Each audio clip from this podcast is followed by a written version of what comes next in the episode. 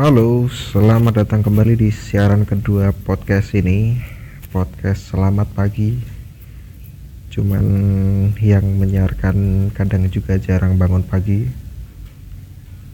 Ya tapi ngomong-ngomong saya kemarin begadang nonton film yang bagus di Youtube. Namanya Film Tile Film Tile itu keren melambangkan keseharian kita ternyata untuk membuat ide satu film itu nggak perlu pikirannya gede-gede ya. Nggak perlu harus jalan-jalan sampai ke mana cari inspirasi setting yang apa. Ya cukup setting sebuah percakapan ibu-ibu di atas truk. Itu aja jadi setting yang menarik. Konfliknya bagus dan ya mencerminkan keseharian kita. Itu yang salah satu yang buat keren itu iya konfliknya tentu ya. Eh, yang kedua tokoh film apa namanya tokoh film Tile itu uh, cukup representatif dengan ibu-ibu sekarang yang di mana apa ya tidak ada manusia atau satu ibu yang sebenarnya punya kejelekan mutlak itu nggak ada menurut saya. Karena bagaimanapun semenjengkelkan eh, ibu-ibu di mata tetangganya dia tetap ibu dari anak-anaknya orang yang bertanggung jawab membesarkan anaknya. Dan itu dan itu pekerjaan mulia. Maka apa ya melihat satu seorang sosok yang diceritakan jelek dari sudut tertentu dan menghakimi kejelekannya sebagai keseluruhan personal itu menurut sesuatu yang gak layak. Ya kita bisa lihat ketika uh, Butejo ya yang merupakan apa tokoh utamanya itu yang waktu apa namanya ya Butejo lah. Butejo itu kan sebagai seorang yang uh, ngerumpinya kebablasan sana sini sana sini lewat internet. Dan itu merepresentasikan uh, kondisi ibu-ibu di zaman milenial ini. Uh, tapi kemudian karena keaktifannya di sisi lain ketika uh, sebuah kendaraan truk itu dicegat oleh polisi uh, Ibu Tejo juga jadi tokoh yang paling aktif untuk uh, apa jenenge memperjuangkan uh, kondisi bersama teman-temannya agar tidak ditilang. Dan itu cukup keren karena uh, iya berarti dia emang berperan besar di dalam perjalanan itu. Termasuk juga perannya waktu ketika rombongan itu gagal untuk uh, menjenguk Bulurah kemudian mereka apa Butejo memberi solusi untuk ngajak aja ke pasar gede atau pasar Pringharjo dan itu cukup menggembirakan dan istilahnya menghilangkan kekecewaan masa waktu itulah.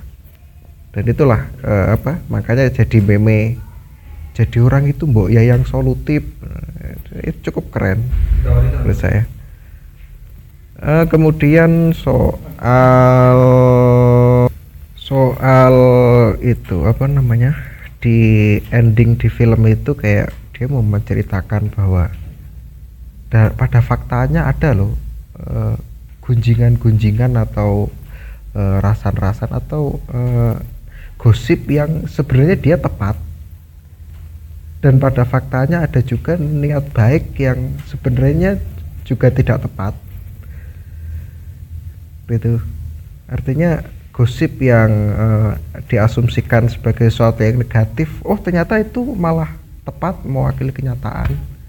Sedangkan niat baik atau apa niat bu siapa yang yang ngobrol sama Bu Tejo itu yang ingin menjenguk Bu Lurah ternyata uh, niat baiknya tidak tepat karena pada dasarnya Bu Lurah sendiri sedang di ruang ICU dan nggak bisa dijemput.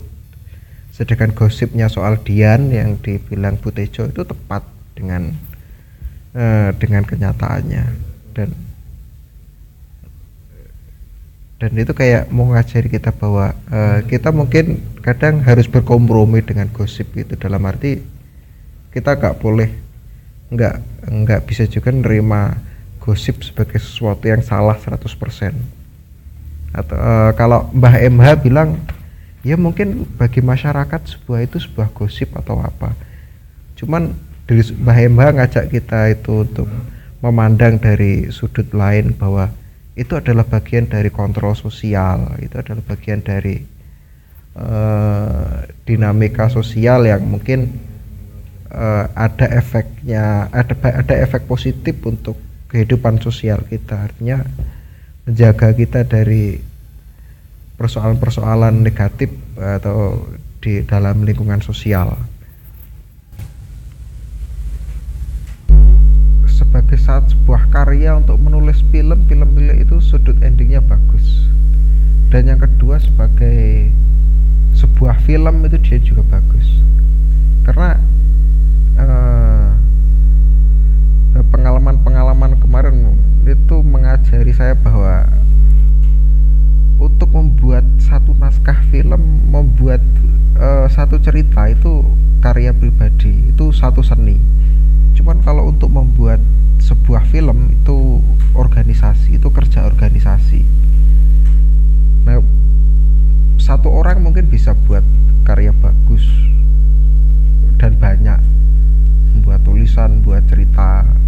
Cuman untuk menjadikan sebuah cerita itu jadi film yang bagus juga itu itu butuh kerja organisasi yang iya kerja organisasi yang baik. Dan untuk mengorganisir orang itu nggak mudah ya. Itu pengalaman banyak orang. Nah, kemudian saya pengen bilang kalau apa namanya film Tile itu kayaknya itu dia kayak film terbaik yang pernah saya lihat ya. Film pendek Indonesia terbaik yang pernah saya tonton sampai sekarang ya. Kalau film pendek luar negeri mungkin ada film-film dari Disneyland atau film-film dari uh, Michael eh Nickelodeon pernah buat film pendek ya? Disney lah. Walt Disney itu sering buat film pendek kartun tapi dan bagus ceritanya itu. Apa uh, apa ya gregetnya itu dapat itu jadi kayak nonton film itu rasanya oh aku banget ini cuman kalau untuk film Indonesia film realis itu ya mungkin film Tile ini yang kayaknya itu. Ya mungkin karena pengalaman saya juga belum jauh aja sih. Karena sebelum sebelumnya sih pernah nonton film pendek yang dibuat oleh teman-teman kampus juga ada apa ada juga film-film di internet yang soal eh, di Jogja itu soal surtini atau soal apa lagi. Soal soal soal konflik agraria juga pernah uh, film soal toleransi juga pernah ada acara nonton bareng dari teman-teman kampus. Cuman uh, ya pesannya mungkin uh, dari judul filmnya kita udah dapat pesannya dan dan di situ kita kayak ya penting toleransi aja kayak apa nonton filmnya paling intinya kayak gitu gitu. Cuman film Tile ini ya kayak kayak satu film tentang ya perjalanan menjenguk orang di anu cuman dari konflik utamanya terus dari serpihan-serpihan percakapannya itu itu udah udah kayak satu pelajaran tersendiri. Dan di situ sisi kerennya menurut saya. Terus eh, akhir-akhir ini saya agak suka dengerin uh, lagunya itu ya Denny Caknan. Uh, satu apa namanya musisi ya campur sari lah enaknya itu yang menurut saya uh, recommended di telinga saya pribadi itu lagunya Denny Caknan. Secara secara sastra tentunya kayaknya. Uh, makanya saya juga agak sepakat kalau ada yang bilang Denny Caknan itu um, dia bisa dibilang penerusnya Didi Kempot itu itu ada sisi sepakatnya uh, dari sisi uh, sastranya itu karena kalau dibandingin dengan eh, musisi-musisi uh, atau lagu-lagu di zaman ini yang sering keluar itu itu uh, kurang kurang enak di telinga saya karena lagu-lagunya secara sastra nggak masuk. Uh, secara saya ambil contoh sederhananya gini, apa namanya? ada lagu-lagu yang yang di luar dari itu yang yang dia itu pakai bahasa Jawa nguku dicampur dengan Jawa kromo dicampur dengan bahasa Indonesia jadi satu di liriknya itu. Dan itu itu menurut saya kelihatan jelek. Ya meskipun uh, lagunya nyanyinya dia menghayati sisi ambiarnya dapat itu sisi lain. Cuman dari sisi sastra itu jelek kalau saya udah udah agak malas aja udah dengerin lagu-lagu kayak gitu. Itu kesan pribadi saya kalau orang lain tah terserah uh, kemudian dari sisi uh, rima juga sedikit masuk lah rimanya dari Cak Nan itu lagunya. Ibarat kayak lagunya Didi Kempot yang cilianku rambutku dicukur kuncung zaman biyen urung usuk sabun pabrik irung dibangun. Ya, andukku mung cukup anduk sarung kayak gitu. Tulananku motor silik soko lempung. Itu kan kayak rimanya dapet dan juga tata bahasanya itu dapat karena dia satu bahasa itu ngoko semua. Nggak nggak ada yang uh, nguku terus dicampur kromo. Ya dia uh, apa namanya orang paham uh, apa maksud yang dibicarakan meskipun nguku campur kromo campur bahasa Indonesia. Cuman kalau saya pribadi dengerin uh, karena mungkin menurut saya secara sastra kurang kurang ngeh gitu aja. Jadi kan itu cukup keren menurut saya. Makanya saya juga ini salut kalau emang uh, apresiat apresiat dengan karyanya yang mungkin sekarang udah udah 100 ju 100 jutaan lah penontonnya kayaknya. Itu sih selain soal film Tilik tadi. Oke terima kasih sudah membuang-buang waktu mendengarkan podcast ini. Sekian semoga hari anda indah